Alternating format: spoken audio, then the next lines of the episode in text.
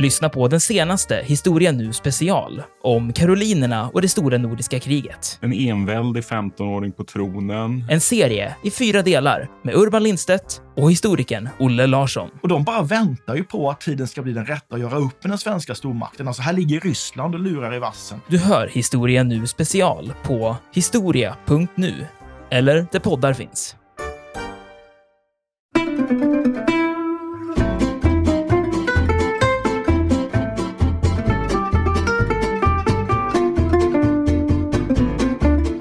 Just det, han blev ju kung när han var 16 år med alla, alla de krav som det ställer och dessutom då enväldig. Ja, exakt. Och hade fått stryk livet igenom fram tills han blev kung i princip. Och fick då förtroende för Struensee som då började, alltså i Struensees sällskap kunde han lyfta fram sina mer amabla sidor Precis, och hålla precis. de andra mindre trevliga sidorna i schack. Precis, jag tycker alltså det, det är väldigt fascinerande och väldigt tragiskt. Ibland kan man inte låta bli att fråga sig själv, alltså var låg galenskapen egentligen? Hos Kristian den sjunde själv? Eller i, liksom, i världen runt omkring honom? Alltså hela den här enväldiga monarkin, det system som han var en del av. Var, var låg galenskapen?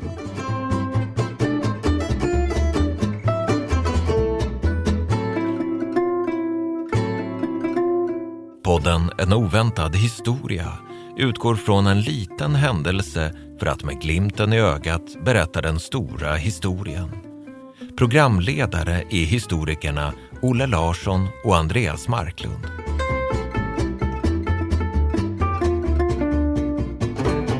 Hallå där Olle! Hallå Andreas!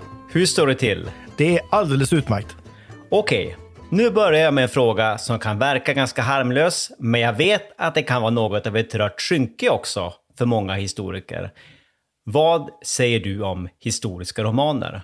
Och har du någon favorit i den genren? Jag tillhör de som gärna, mer än gärna läser historiska romaner och det har jag gjort ända sedan jag var liten faktiskt. Jag har inget problem med att författare hittar på saker, för det är precis vad författare ska göra. Och ska jag nämna några romaner, historiska romaner som har betytt en del för mig så är det ju Lars Widdings romaner, de så kallade Karolinesviten, som utspelas under stora nordiska kriget. En tid för hjältar, en tid för freden. De fyra ryttarnas tid och den sista Karolinen, vill jag minnas att de heter.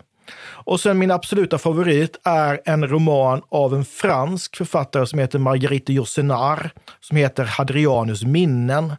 Där hon då skriver om kejsar Hadrianus och hans liv och låter honom själv berätta.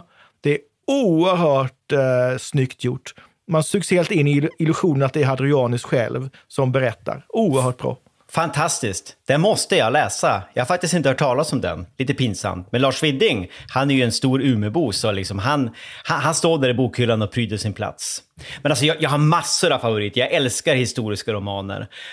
Bland annat så plöjer jag allt som Robert Harris skriver. Alltså de här Munich, Fatherland, Officer and a Spy. Jag slukar sånt här med hull och hår.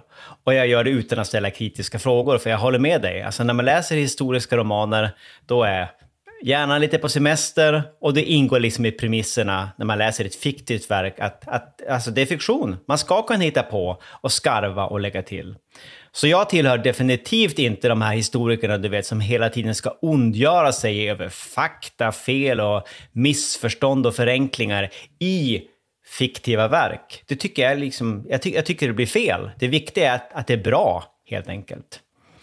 Och en sån historisk roman som faktiskt är väldigt, väldigt bra, även om de också skarvar och lägger till, som romaner alltid gör, det är P.O. Enquists Livläkarens besök från 1999. Har du läst den, Olle? Jag har läst den och jag har läst den med mycket stor förtjusning. Tycker det är en fantastisk skildring av just upplysningstiden och eh, det här fantastiska dramat som han berättar om. Ja, det, det är verkligen ett drama. Alltså väldigt kort återberättat så handlar den här boken om en extremt fascinerande fas i Danmarks historia. Då landet då styrdes av en medicinutbildad tysk akademiker, kan man väl säga, som blev då livmedikus åt den enväldige kung Kristian den sjunde. Som då av skäl som vi senare ska återkomma till hade svårt att ja, koncentrera sig på sin, på sin kungagärning, eller vad man nu ska säga. Och han hade också väldigt svårt att koncentrera sig på sin, på sin drottning, den engelskfödda Carolina Matilde. Så hon inledde då ett, ett kärleksförhållande till den här Struense. Förmodligen fick de också barn ihop. Det återkommer vi till senare under programmet, hade jag tänkt. Men den här Struense då, i Enquists version, han var inte bara läkare och första älskare. Han var också en väldigt varm anhängare av upplysningsfilosofin. Alltså den här stora filosofiska trenden under det senare 1700-talet, som ju vurmade för det mänskliga förnuftet och diverse höga ideal som tolerans och frihet. Och på det området så levererade då den här gode Struense enligt Enquist. Han var nog den som de facto införde upplysningen i Danmark, om vi ska tro P.O. Enquist. Och nu vill jag inte gå händelserna allt för mycket i förväg, så jag stoppar här. Men det är det här pikanta triangeldramat då mellan livläkaren, kungen och eh, drottningen som den här romanen kretsar kring. Alltså P.O. Enquists Augustprisvinnare då från 1999. Och det är det vi ska prata om idag, hade jag tänkt. Alltså vi ska prata om den, vi ska prata om den, den verkliga historien om Struense-eran i Danmark. Om Struenses relation till den danska kungen, hans relation till drottningen, hans tid vid makten och hans grymma öde. Och det finns många oväntade inslag i den här historien, Olle. Men jag har faktiskt då en personlig koppling till det här också, till Struense-eran. Jag bor nämligen då i närheten av det idag då försvunna slott, Hirschholms slott, där de kanske saftigaste, eller till och med allra mest, vad ska man säga då, erotiska delarna av den här historien utspelade sig. Det var ett litet kungligt lustslott som jag låg just utanför huvudstaden, utanför Köpenhamn, och som ansågs vara väldigt, väldigt vackert kanske ett av Europas vackraste. Det kallades för Nordens Versailles med hänvisning då till Ludvig XIVs praktpalats utanför Paris. Men det revs faktiskt ner då. Det utraderades på grund av det här som vi ska prata om idag. Det enda som finns kvar idag är en väldigt, väldigt vacker slottsträdgård som idag är då lite vildvuxen och där man här och där kan se då sönderbrutna pelare och annat som sticker upp ur, ur grönskan. Och jag brukar faktiskt jogga i det här området.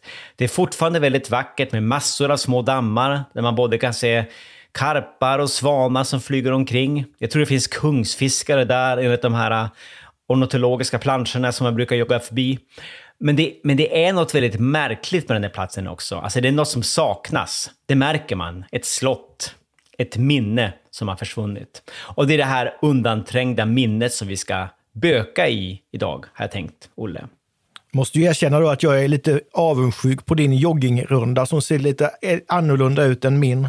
Jag är ju svårt förtjust i just det här med, med, med platser som, eh, där det har funnits saker som numera är borta. Det finns något eh, fascinerande i, i förgängelsen tycker jag.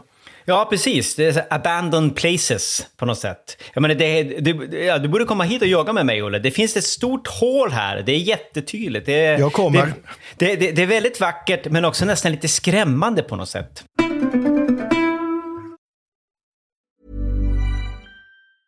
Mom deserves the best, and there's no better place to shop for Mother's Day than Whole Foods Market. They're your destination for unbeatable savings, from premium gifts to show-stopping flowers and irresistible desserts. Start by saving 33% with Prime on all body care and candles. Then get a 15-stem bunch of tulips for just $9.99 each with Prime. Round out Mom's menu with festive rosé, irresistible berry chantilly cake, and more special treats. Come celebrate Mother's Day at Whole Foods Market. Selling a little or a lot? Shopify helps you do your thing however you cha-ching. Shopify is the global commerce platform that helps you sell at every stage of your business. From the launch your online shop stage to the first real life store stage, all the way to the did we just hit a million orders stage. Shopify is there to help you grow. Shopify helps you turn browsers into buyers with the internet's best converting checkout. 36% better on average compared to other leading commerce platforms because businesses that grow grow with Shopify. Get a $1 per month trial period at shopify.com/work. shopify.com/work. This is Paige, the co-host of Giggly Squad, and I want to tell you about a company that I've been loving, Olive and June. Olive and June gives you everything that you need for a salon quality manicure in one box. And if you break it down, it really comes out to $2 a manicure, which is absolutely insane. It's also so easy to get salon worthy nails at home with Olive and June. The difference between how your nails used to look when you did them yourself and now with the Manny system is a complete game changer. The best thing about Olive and June too is it's a quick dry, dries in about one minute, lasts for five days, and full coverage in up to one to two coats. Visit oliveandjune.com slash perfectmanny20 for 20% off your first system. That's oliveandjune.com slash perfectmanny20 for 20% off your first system.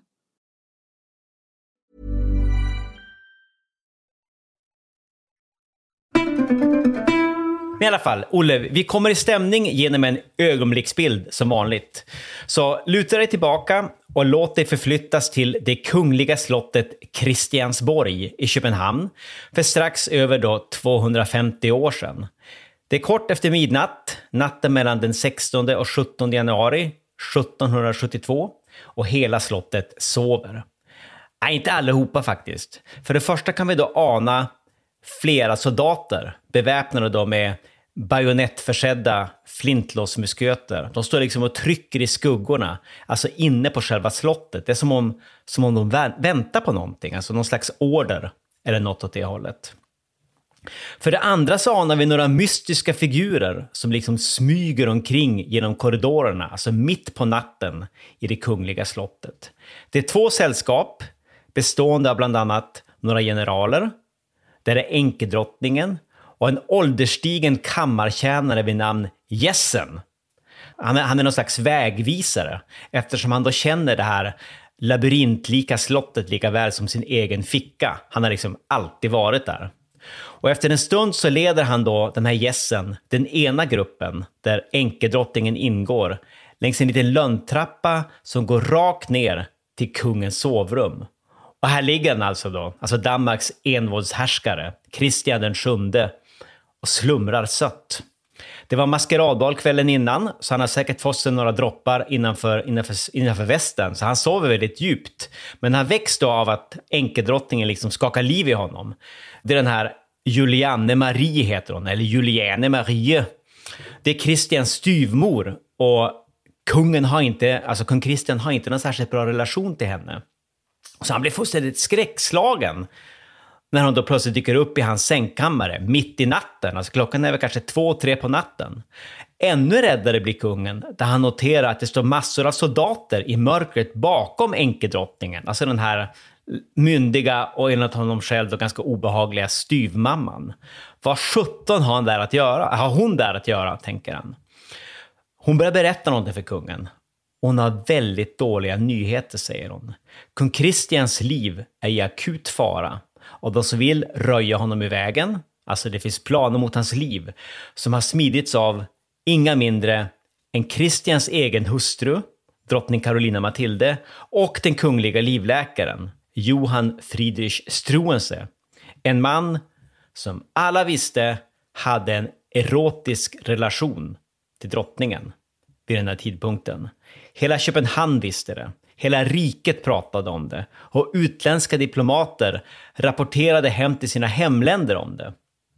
Och som om det inte var illa nog så ryktades det också om att drottningen och livläkaren var ute efter att överta regeringsmakten. Och det första steget i denna kupp, denna statskupp, skulle alltså då vara att ta kungen av daga på något lömskt sätt. Så kungen han blir nu blek som ett lik enligt flera ögonvittnen och undertecknar då ett flertal statliga dokument, så kallade kabinettsorder, som enkedrottningen sträcker fram åt honom. Alltså order där innehållet redan är förberett så att säga. Han får papperen och han får lite, du vet, han får gåsfjäderpenna och ett bläckhorn och så vidare och börjar skriva. Och det han skriver under på är bland annat, bland annat då en arresteringsorder mot drottningen och livläkaren. Och den här livläkaren, alltså Struense, han arresteras då ungefär samtidigt som enkedrottningen sitter där och, och, och snackar med kungen. Det är det som det här andra sällskapet som smyger omkring på slottet sysslar med. De traskar rakt in i Struenses sovrum. De får upp honom ur sängen under ganska bryska former. Och så leder de, leder de då honom till en, en övertäckt vagn som väntar ute på slottsgården. Och där transporterar de honom direkt till kastellet, som ju är då en väldigt dyster fästning som ligger mitt i Köpenhamn. Det är bland annat där som, eh, som Magnus Stenbock hamnar under Stora Nordiska kriget. Det kommer vi att prata om i ett senare avsnitt. Även drottningen arresteras, men något senare. Klockan sju på morgonen så kommer då en greve Rantzau i spetsen för en grupp soldater in till drottningen och alltså, de begär företräde då hos kammarjungfrun under ganska bryska former. Och drottningen fattar då att, någonting, att det, det är någonting i görningen, så hon tar då en lönntrappa ner till Struenses våning och ropar efter greven. Var är greven? Han hade fått grevetitel under den här tiden. Men han var inte där. Han var ju redan bortförd. Så hon tvingas då med tunga steg gå tillbaka till sängkammaren där hon arresterades. Man slängde någon päls över henne eller något sånt där, för hon hade ju bara nattlinne på sig. Och så fördes hon ut i en övertäckt vagn. Hon fick med sig sin dotter, som var sex månader gammal, Lovisa Augusta. Därmed fick hon då lämna sin fyraårige son, kronprinsen då i, i enkedrottningens händer. Det här är ju då kungligt drama, Olle, när det är som allra bäst tycker jag. Men jag tror att vi behöver höra lite mer om huvudpersonerna för att fatta liksom vad det här handlar om.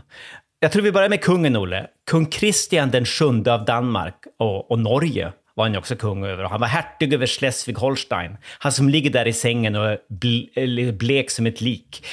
Vem var han egentligen?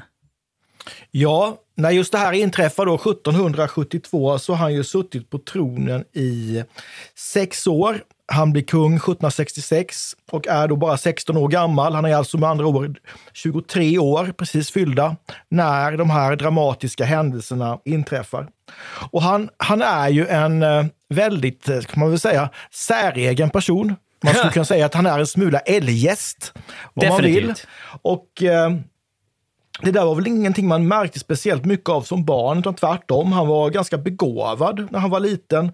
Kanske något känslig, men eh, no, det var någonting som inte stämde. Han hade no, någon form av psykiska problem som blir värre och värre ju äldre han blir. Och när, vid tiden för den här, ska vi säga, kuppen eller det här dramat så är ju han i ganska dåligt eh, psykiskt skick. Väldigt det är svårt dåligt. att veta, liksom ställa diagnoser på personer som inte lever längre, men det är väl inte helt orimligt att tänka sig att det var någon form av, eh, av schizofreni eh, inblandad här. Mm, det är många som har pratat om det, schizofreni.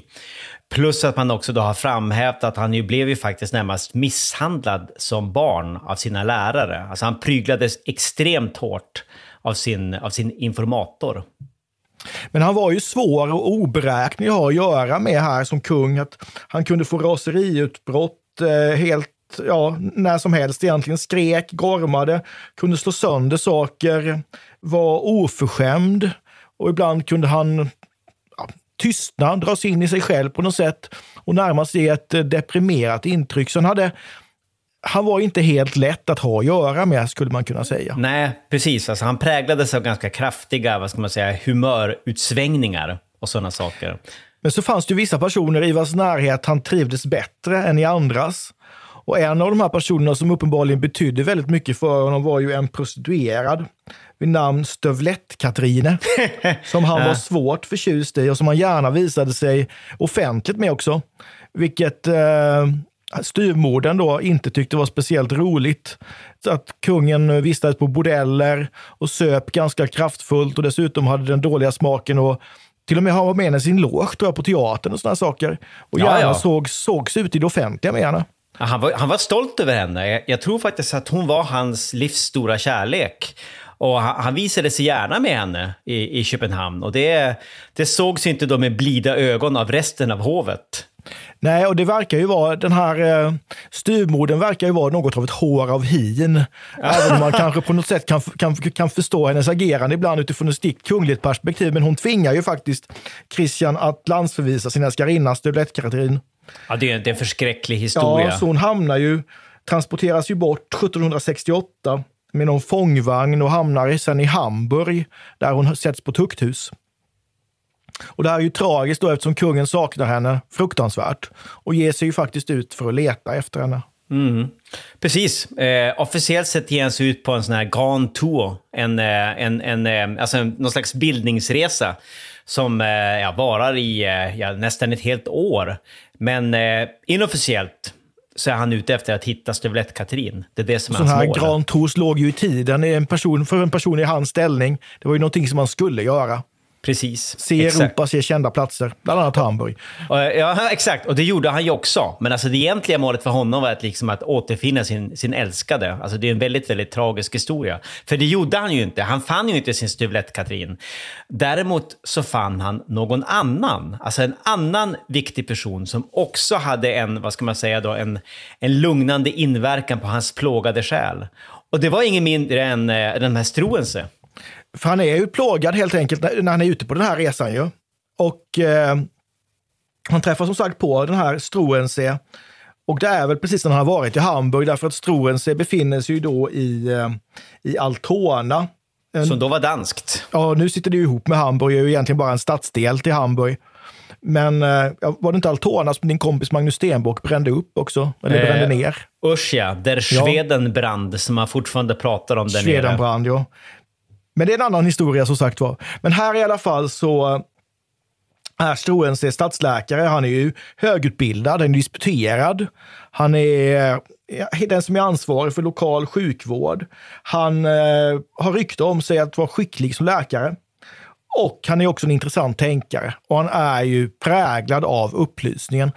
Och jag tycker att det är rätt fascinerande att han, precis som många andra stora upplysningstänkare vid den här tiden, har en, eh, alltså en, en far som är präst. Jag tänker på Carl von Linné till exempel i Sverige. Att den här prästliga bakgrunden, tillgången till böcker, den bokliga bildningen, prästgårdskulturen är något, någonting som, som, som föder fram tänkare under den här tiden.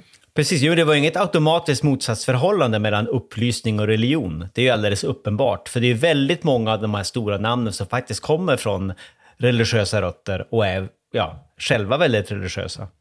Och han hämtas väl till den danske kungen vid det här tillfället och det visar sig då att han har nästan på samma goda inverkan på, på kungen som eh, Stövlett-Katarine. Han trivs i Struensees eh, sällskap. Så Struensee får, får ju följa med på den här resan. Ja, men han blir handplockad till den här uppgiften då, alltså av eh, kretsen kring, kring den här psykiskt väldigt bräckliga kungen. Alltså hovet får ju lite panik när Kristian VII bestämmer sig för att fly sina förpliktelser. Alltså han skulle ge sig ut och möta andra potentater ute i Europa. Det kunde ju, han kunde ju ställa till med vilken skandal som helst. Alltså han var just precis väldigt, väldigt oregelig. Så man, när man, hör, man hörde om den här Struense, den här stadsfysikusen i Hamburg som hade den här, eh, ett, ett, ett, ett flott CV kan man väl kanske säga. Så han plockades han till uppdraget och blev kungens, vad ska man säga, ambulerande livläkare. Men får ju sen följa med till Köpenhamn också. Och blir ju också livmedikus vid eh, Kristian VII hov när sen resan slutar då hemma i, i Köpenhamn. Precis, och då, då har han ju verkligen levererat den gode Struense. För inte nog med att kungen höll sig lugn, han var till och med ganska förtjusande under stora delar av den här resan. Han, han var begåvad och han kunde också vara väldigt charmerande när han var på rätt humör. Det var bara det att alltså jag får ibland lite intrycket av att han, alltså han hade ju naturligtvis, det, det var någon slags psykisk ohälsa som plåg, plågade honom. Det var inte bara trots. Men han kunde, han kunde bli lite grann som en trotsig tonåring ibland. Ibland får jag liksom för mig att han, han hade aldrig riktigt fått vara barn. Så han, han, var i, han blev det i vuxen ålder istället. Just det, han blev ju kung när han var 16 år med alla, alla de krav som det ställer och dessutom då enväldig. Ja, exakt. Och hade fått stryk livet igenom fram tills han blev kung i princip. Och fick då förtroende för Struensee som då började, alltså i Struensees sällskap kunde han lyfta fram sina mer amabla sidor Precis, och hålla precis. de andra mindre trevliga sidorna i schack. Precis, jag tycker alltså det, det är väldigt fascinerande och väldigt tragiskt. Ibland kan man inte låta bli att fråga sig själv, alltså var låg galenskapen egentligen? Hos Kristian den sjunde själv? Eller i, liksom, i världen runt omkring honom? Alltså hela den här enväldiga monarkin, det system som han var en del av. Var, var låg galenskapen? Nåväl, många filosofiska frågor poppar upp i huvudet.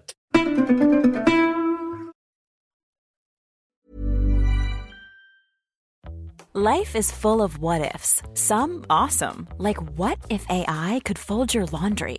And some, well, less awesome, like what if you have unexpected medical costs? United Healthcare can help get you covered with Health Protector Guard fixed indemnity insurance plans. They supplement your primary plan to help you manage out of pocket costs. No deductibles, no enrollment periods, and especially no more what ifs. Visit uh1.com to find the Health Protector Guard plan for you. I'm Sandra, and I'm just the professional your small business was looking for. But you didn't hire me because you didn't use LinkedIn jobs. LinkedIn has professionals you can't find anywhere else, including those who aren't actively looking for a new job but might be open to the perfect role, like me. In a given month, over 70% of LinkedIn users don't visit other leading job sites. So if you're not looking on LinkedIn, you'll miss out on great candidates like Sandra. Start hiring professionals like a professional. Post your free job on linkedin.com/people today. Mom deserves the best, and there's no better place to shop for Mother's Day than Whole Foods Market. They're your destination for unbeatable savings, from premium gifts to show-stopping flowers and irresistible desserts. Start by saving 33% with Prime on all body care and candles. Then get a 15-stem bunch of tulips for just $9.99 each with Prime. Round out Mom's menu with festive rosé, irresistible berry chantilly cake, and more special treats. Come celebrate Mother's Day at Whole Foods Market.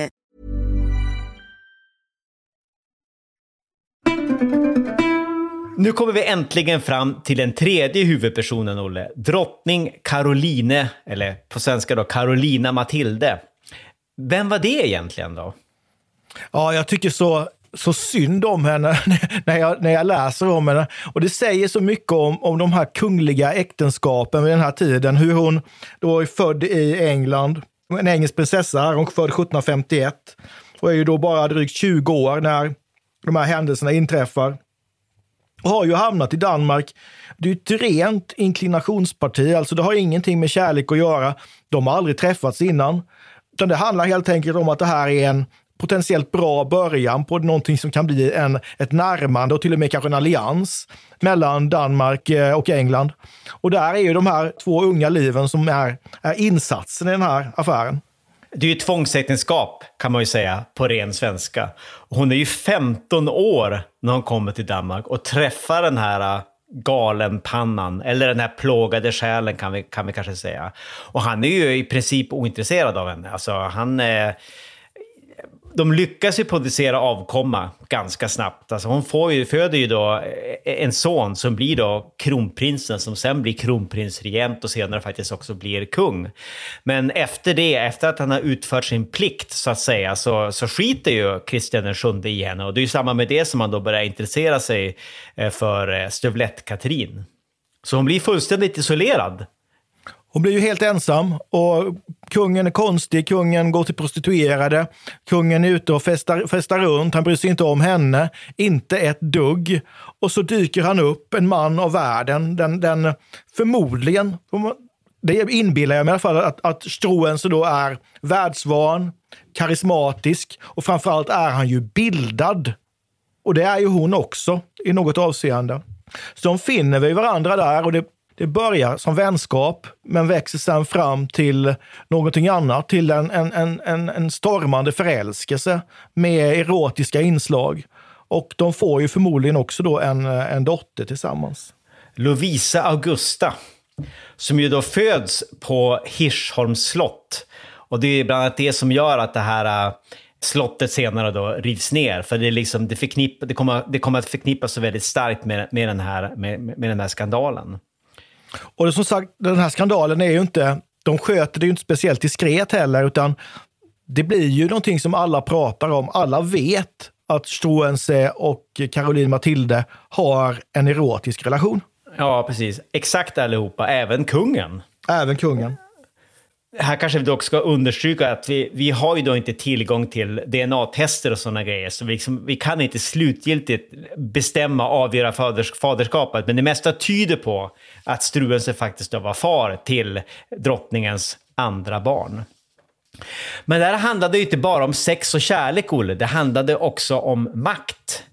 På grund av sitt psykiska tillstånd, som ju tycks ha förvärrats ganska väsentligt efter hemkomsten från den här stora europeiska bildningsresan, så var ju Kristian VII faktiskt då oförmögen att styra landet. Han var, egentligen, han var, ju, han var ju ointresserad av det. På pappret, och inte minst då enligt den statliga propagandan, så var Danmark fortfarande då ett, ett, ett enväldigt kungadöme. Men under Kristian VIIs tid så var det då istället folket omkring monarken som styrde landet.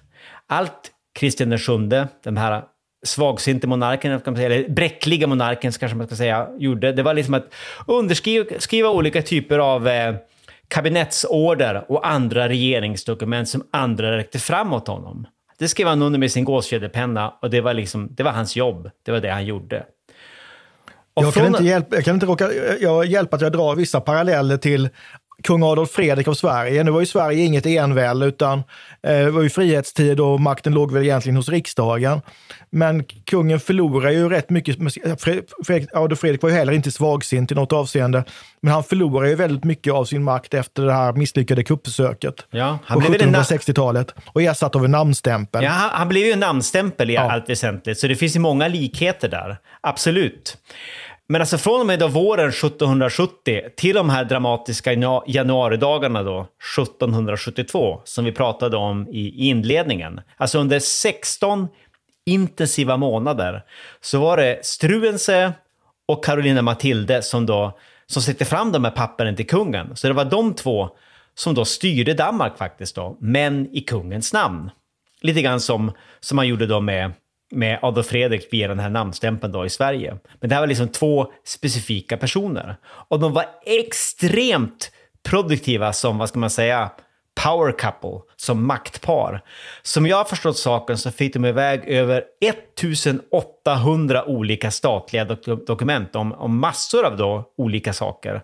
Jag tror att, jag tror att Struense och Carolina Matilde införde 600 nya lagar under den här perioden. Det är ju, det är häpnadsväckande. Och många av dem bar väl just upplysningens prägel?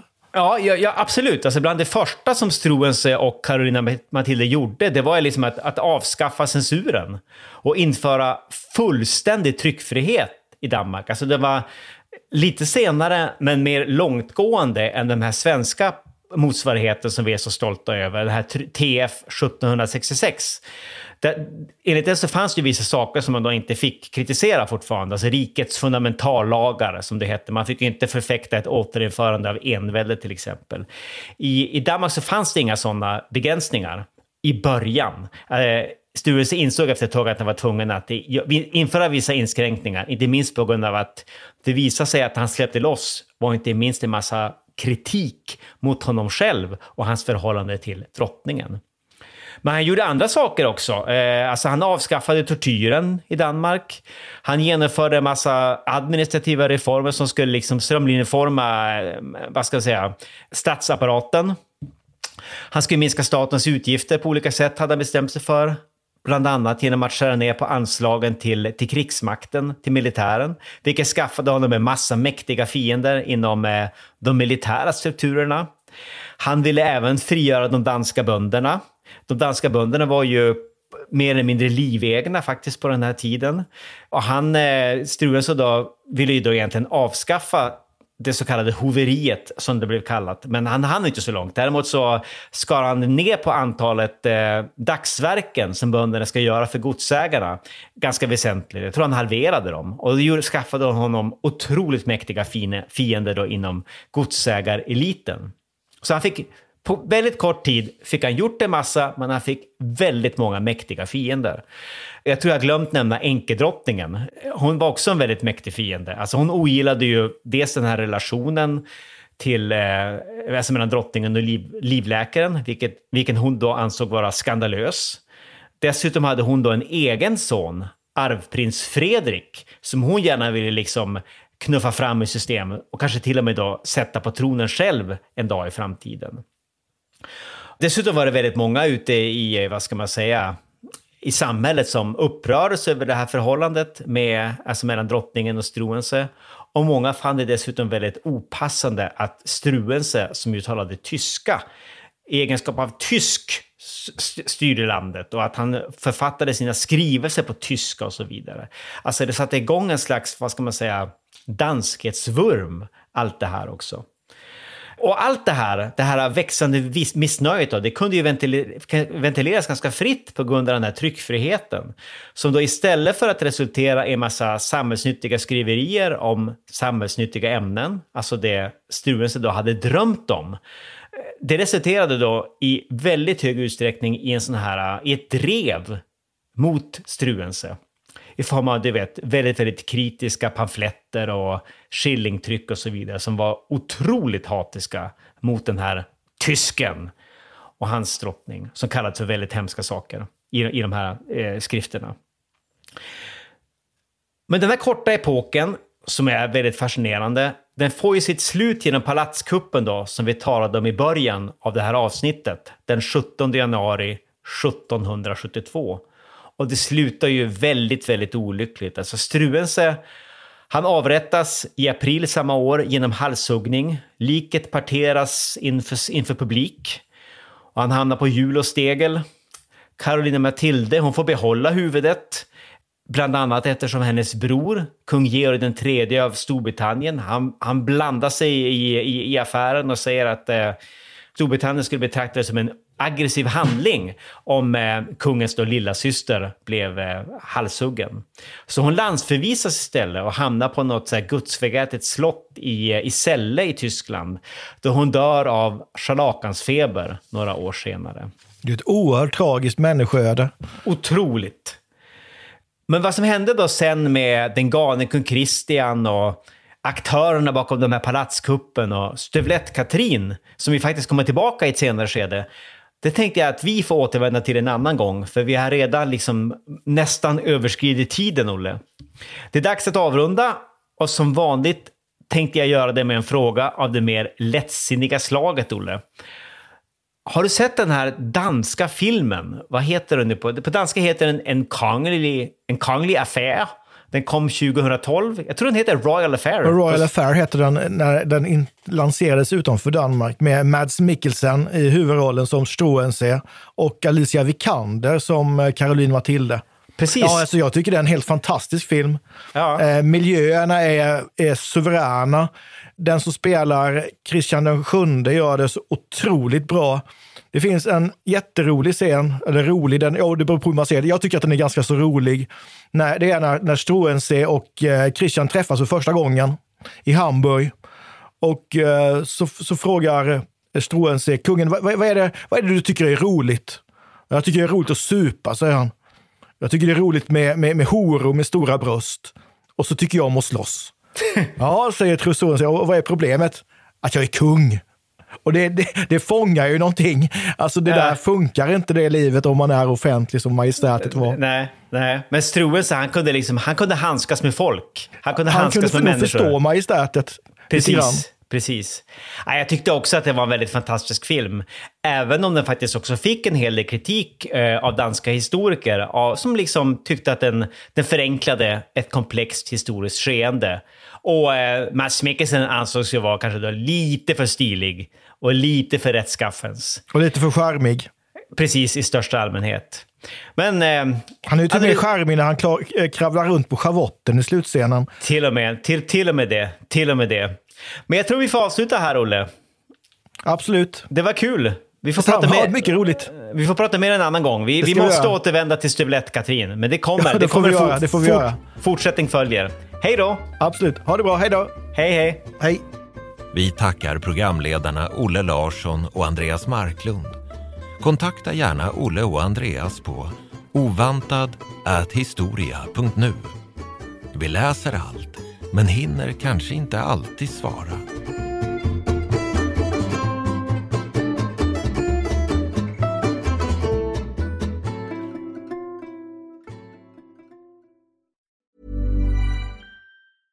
Mom deserves the best, and there's no better place to shop for Mother's Day than Whole Foods Market. They're your destination for unbeatable savings, from premium gifts to show-stopping flowers and irresistible desserts. Start by saving 33% with Prime on all body care and candles. Then get a 15-stem bunch of tulips for just $9.99 each with Prime. Round out Mom's menu with festive rosé, irresistible berry chantilly cake, and more special treats. Come celebrate Mother's Day at Whole Foods Market. Planning for your next trip?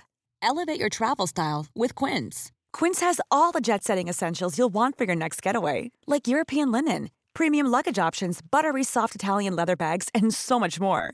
And is all priced at 50 to 80% less than similar brands. Plus, Quince only works with factories that use safe and ethical manufacturing practices. Pack your bags with high-quality essentials you'll be wearing for vacations to come with Quince. Go to quince.com/pack for free shipping and 365-day returns. Iran har under 1900-talet genomgått tre omvälvande revolutioner som orienterat landet antingen mot västerlandets modell eller mot en auktoritär styrelseform. Idag pågår en social revolution i landet som vänder sig mot det islamistiska styret och vars anhängare har Europa och väst som förebilder. I en viktig bok ger idéhistorikern Mohammad Faslashemi en djupare förståelse för dagens dramatiska händelseutveckling. Iran mellan tre revolutioner är utgiven av förlaget Historiska Media. Beställ den fysiska boken på förlagets hemsida historiskamedia.se eller köp den i en bokhandel nära dig.